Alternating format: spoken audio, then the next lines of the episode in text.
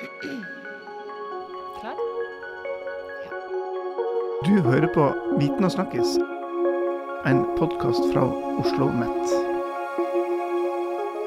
Velkommen til en ny episode av podkasten Viten og snakkes fra Oslo Mett. Jeg heter Halvard Lavoll, og med meg i studio i dag så har jeg Hilde Syljås og Anne Langås. Velkommen skal dere være. Tusen takk. Takk. Dere er førsteamanuenser på fysioterapiutdanningen her på Oslo Met. Mhm. Men uh, nå jobber dere ganske på litt sånn bredere eh, tematikk her. Uh, vi skal snakke om eh, marginaliserte grupper. Hvorfor er dette et viktig tema akkurat nå? Nå er det jo uh, sånn at det som heter RETOS, som jo ble vedtatt som en sånn felles retningslinje for helse- og sosialfagutdanningene i Norge, eh, inneholder jo marginaliserte grupper som et tema som er løfta spesielt fram. Og det er jo fordi at eh, man fikk tilbakemelding fra samfunnet om at eh, høyere utdanning ikke i tilstrekkelig grad svarte ut de problemene som jo faktisk da man står i der ute som helsefagarbeider. Mm. Mm. Og dette gjelder alle eh, helsefag, eh, yrkesgruppene og utdanningene. Det gjør det. Hva var problemet, da? Nei, problemet var vel at de syntes at vi var utdaterte. Altså at de kandidatene som vi uteksaminerer ikke har den kompetansen med seg som, som de trenger for å løse de utfordringene som faktisk eh, samfunnet strir med, da. Mm. Og som man jo tenker at disse kandidatene da vil møte når de kommer i praksis. Ja, og det er jo også sånn at helsefagarbeidere skal serve hele befolkningen. Og da er det jo de marginaliserte som lettest faller utenfor. Mm. Og de krever jo heller ikke sin rett nødvendigvis. Sånn at det blir spesielt viktig å ha fokus på det, og det er vel det Retos minner oss på, da. Mm. Ja, og så løfta jo Retos fram noen grupper. Altså det er jo Det handler om vold, traumer, rus, da f.eks. Som er de gruppene som en jo da Mm. virkelig mente at det mangla kunnskap om. Mm. Så nå, nå er da såkalte programplanene for disse ulike utdanningene blitt oppdatert det Ja. siste året. Eh, og, og nå skal vi snakke litt mer om eh, en av disse gruppene, liksom, de rusavhengige. Eh, hvorfor er det viktig å se spesielt på denne gruppa? Hvorfor er det de løfta fram som en av de marginaliserte? Det er jo de er, de er jo nesten lavest på rangstigen i samfunnet vårt, i hvert fall de tyngste rusmisbrukerne. Og Hilde og jeg vi har jo jobbet med dem i forhold til eh, rusrehabilitering og gatefotball, en del sånn type aktiviteter da, som vi også har hatt med studenter på. Så um, det er i hvert fall en av grunnene, tenker jeg. Ja, og så er det jo uomtvistelig det at uh, mennesker med ruslidelser, de får ikke de helsetjenestene de har behov for. Uh, og når de da ikke får det fra de som jo faktisk sitter og etablerer systemet, og i tillegg da som Anne sier, de sitter aller nederst ved bordet og, og har kanskje ikke den muligheten til å si ifra, fordi at vi vet jo også noe om at når du lever et liv med ruslidelser, så har du mista veldig mye kompetanse på veien som vi andre bygger oss opp gjennom det å være en del av en familie, være en del av en klasse, gå på skole, altså all denne her allmenndansen som skjer, som ikke de har. eh, Og som jo gjør at de i mye mindre grad har muligheten til å hevde sine egne rettigheter. Før vi kommer inn på hva, behov de har, så lurer jeg på Vi, må liksom definere litt nærmere hvem, hvem disse her, disse rusavhengige er. Fordi at eh, Det jeg ser for meg først, er jo noen jeg går forbi på gata med litt knekk i knærne, som ser veldig shabby ut, som har et veldig avsleppende språk og snakker på en litt annen måte, og som er tydelig at det bruker sprøyter og narkotiske midler. Men det er kanskje ikke kun de vi snakker om.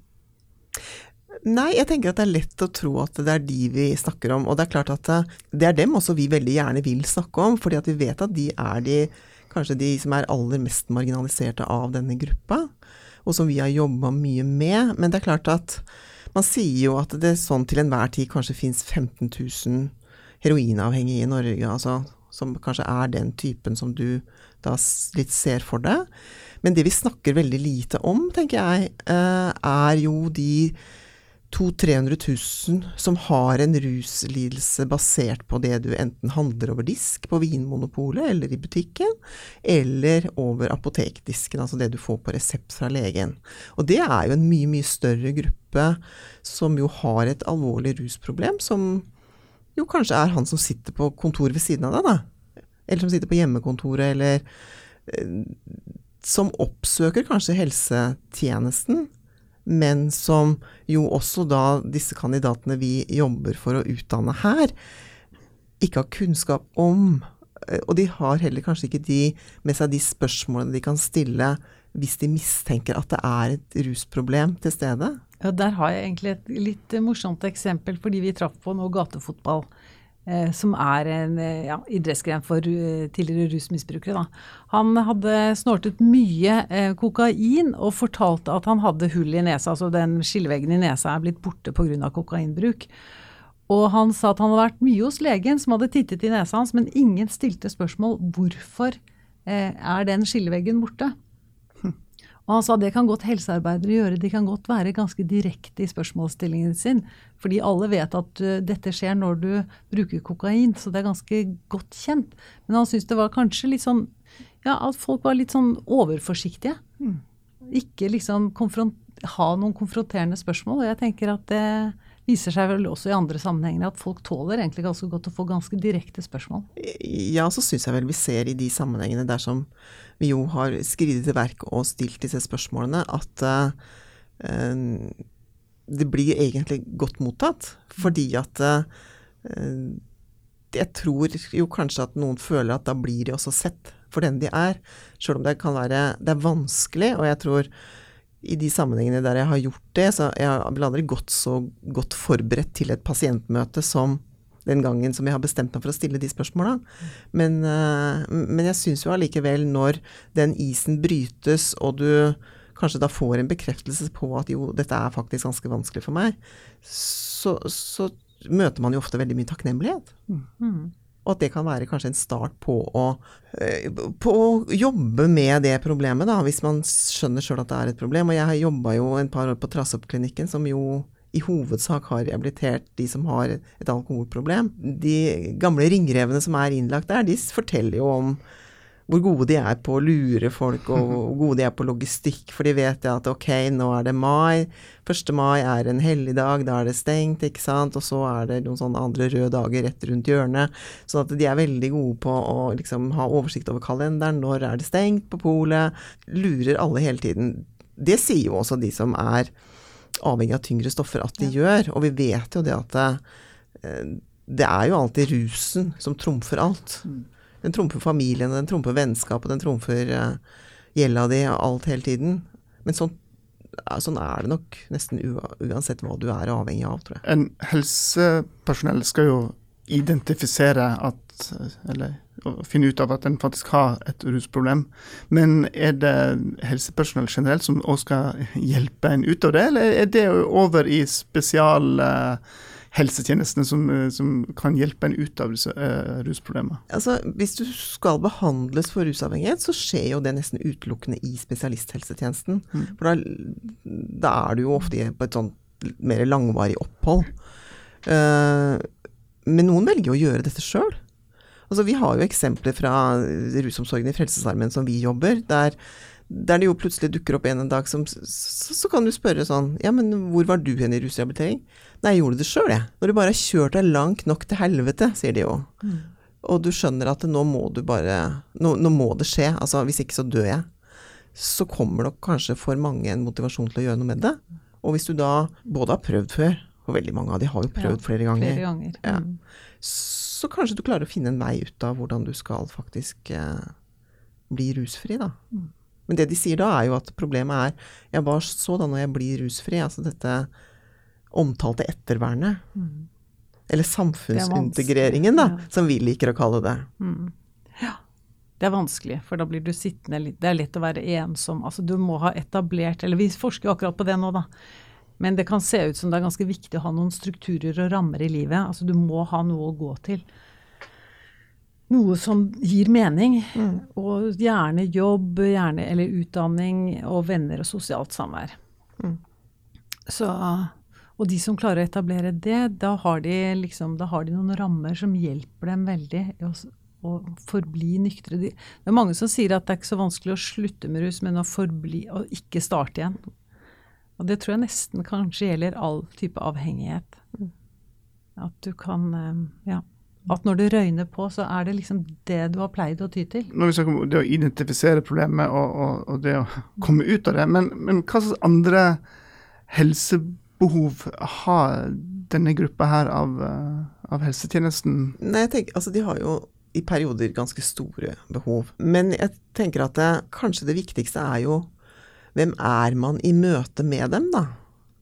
Altså hvem er jeg som fysioterapeut når jeg skal på gatehospitalet f.eks., eller når vi er på NM i gatefotball, eller når vi nå gjør noe annet. Og så er det jo sånn at uh, man har jo gjerne en sånn struktur en jobber etter som ja, så, som fysioterapeututdanningen jo ofte eh, utdanner studentene sine til å bruke. Men, men, vi ser jo det at det fungerer jo ikke så godt i møte med disse. Og Anne har jo jobba mye på Gatehospitalet, og kan jo snakke litt om det, kanskje? Ja, altså tilnærmingen må være mer som en miljøarbeider, fordi dette er mennesker som ikke er vant til å gå, gå til fysioterapeut og bestille eller si 'jeg har vondt i kneet' eller 'jeg har vondt i ryggen'. De kommer ikke med en bestilling, de har et vanskelig liv. Mm. Og så kommer på en måte problemene gjennom at du blir kjent med dem. De har ikke tillit til helsevesenet heller. De er liksom vant til å bli avvist, sett ned på ja, og blir egentlig behandlet litt dårlig noen ganger i møte med helsetjenesten. Men på Gatehospitalet, det er jo spesialsykehus eller sånn helsehus for de tyngste rusmisbrukerne i Oslo. Så det er jo, der, der, blir de tatt godt imot. Men da får man jo også kunnskap litt om hvordan de har det, og hvordan de mm, har hatt i møte med andre deler av helsetjenesten. Da. Men du er nødt til å på en måte bare spise sammen med dem, sitte og drikke kaffe, prate om avisa. altså Litt sånn sosialt samvær for å bryte isen og kanskje komme på banen da, og kunne tilby noen helsetjenester, eller være med og diskutere. Så da pleier det å dukke Og de har mange helseutfordringer, så det er ikke det at de ikke har plager. Men, men du når ikke fram til dem på en sånn standardmåte, da. Jeg husker en, altså, Tidsskrift for Den norske legeforening gjorde en undersøkelse for mange år siden, eller mange år siden, sju år siden kanskje, der det jo sier at de som har nest mest plager fra muskel- og skjelettapparatet, er jo mennesker med ruslidelser. Uh, og, og, det vet jo vi som har, som har jobba med dem, at det, altså de har feilstillinger, de har mye smerter fra nerver, og de har jo mye hatt mye brudd, ikke mm. sant, og de har kanskje vært i slagsmål som har gitt de type skader og sånn. Trafikkulykker, mm. fall, masse hjemmeulykker. Mm. Men, de har, men, men de har jo kanskje allikevel ikke um, Altså, de klager ikke så mye, er jo min erfaring. De eh, forventer ikke å få hjelp. Nei. De, de er egentlig en ganske beskjeden gruppe som vet godt at de er nederst på rangstigen, og de er ikke veldig kravstore, syns jeg, da. Nei, jeg syns heller ikke mm. det. At, uh, og det er jo et tankekors, kanskje, når du har såpass mange sammenfallende lidelser. Mm. Men jeg tenker jo også at nå snakker vi om de på gatehospitalet, eller de dårligste. Men jeg tenker at vi har jo, når vi snakker om den andre gruppa som kanskje sitter på kontoret ved siden av deg, mm. og som kommer til fysioterapeut eller til sykepleier eller på et legesenter med, med litt sånn vondt i ryggen, vanlige plager, så kan man jo også være veldig oppmerksom på hvis det er noe her som skurrer litt, ikke sant? at du er nødt til å fange opp de tingene. Og da, det kan jo være veldig nyttig. Og da kan man jo ha noen sånne konfronterende spørsmål. Eller sånn hvis timeavtaler ikke blir holdt. Det er en del sånne type helt sånne vanlige symptomer eller ting som kan gjenta seg, som kan gjøre at det begynner å blinke noen røde lamper. Mm. Så du blir oppmerksom, og da kan du liksom snakke om det, da. Tematisere det. Så kanskje det er en liten sånn icebreaker. Ja, jeg tenker at det er viktig at man har det med seg. Og så tenker jeg at eh, man må ikke ha det med seg som en fordømmende side, da. Altså, det, um, man må ha det med seg som en del av den omsorgen man møter pasienten med. Mm. Fordi at uh, jeg tror også hvis vi som helsearbeidere har mer kunnskap, så vil vi også ha en større forståelse for altså hva er dette? Altså hvorfor har du valgt et liv da, i rus? Altså, og hvor store mm. valg hadde du, f.eks.? Mm. Og det eh, Jeg tenker at det er jo noen ganger uh, små ting som gjør at uh, det ikke er meg, men at det er deg, faktisk, som har disse utfordringene. Og jeg tenker at vi skal være litt mer ydmyke i møte med dem. og så tenker jeg at man må jo ha med seg at dette er mennesker som har generelt liten tillit til andre. Ja. Fordi at det de har mye erfaring med, er jo brutte relasjoner. ja, og de har ikke bygget livet sitt på tillitsfulle relasjoner til noen. De, eh, ikke sant? Det er ingen de kan stole på. Jeg tenker at hvis, eh, hvis vi kan oppfordre disse framtidige helsearbeiderne til å, til å være litt nysgjerrig, da, og eh, jeg tenker ha litt respekt i møtet. Eh, og så vet jo vi det, Anne, at disse her de endrer seg jo noen ganger med veldig lite oppfølging. Fordi at man snakker jo om at man må kanskje følge noen opp over tid for at endring skal skje og sånn. Men det de gir uttrykk for, er jo at Altså det var et sånt lite glimt av noe som var veldig fint for meg, akkurat i det vi gjorde her. Og at det er noe som de opplever som så sterkt positivt, og som kanskje trumfer en del andre opplevelser de har, som gjør at det, det kan bidra til en sånn positiv ting de kan ha med seg videre. En som sa at han kom på gatefotballen, og så sa alle sa hei og var så blide og så meg. Alle sa hei og smilte. Det var helt fremmed for han. Og da får man jo litt sånn eh, vondt i, både vondt og varmt i hjertet, fordi at eh, da tenker du er det, det er så lite som skal til, egentlig. Um, det er jo litt rørende, egentlig, tenker jeg da. Ja, jeg tenker at de, de lærer oss jo mye, da. Vi er litt raske til å sette folk sammen med nye personer, f.eks. og sånn, men, men så lærer de jo oss det at eh, Altså, eh, hjemme hos meg så var det sånn at vi visste aldri hva som skjedde på natta, f.eks. Så jeg kan ikke sove et sted der det er fremmede. Nei. Så jeg kan ikke være på gruppe med sånne mennesker som reagerer på den måten, fordi at det, det har eh, på en måte nærmest ruinert livet mitt. Så jeg tenker at det, det der å være litt mer var i møte med mennesker, og kanskje ta seg litt tid til å bli litt kjent, da. Uansett hvem det er. Mm. Og den lærdommen tenker jeg man kan ta, i, ta med seg inn i møte med alle mennesker, da. Mm. Men eh, nå eh, blir det da mer fokus på dette her framover i, eh, som dere snakker om innledningsvis, alle utdanningene. Dere som har jobba i felten her, og, tror dere dette her kommer til å hjelpe? Vi må jo håpe at det blir det, da. Hvis disse kandidatene kan være litt tryggere, kanskje. Uh, og det syns jeg jo studenter som har hatt praksis på Gatehospitalet har sagt noe om. Fra at de ikke ville dit egentlig, fordi at de var litt redd for den type mennesker.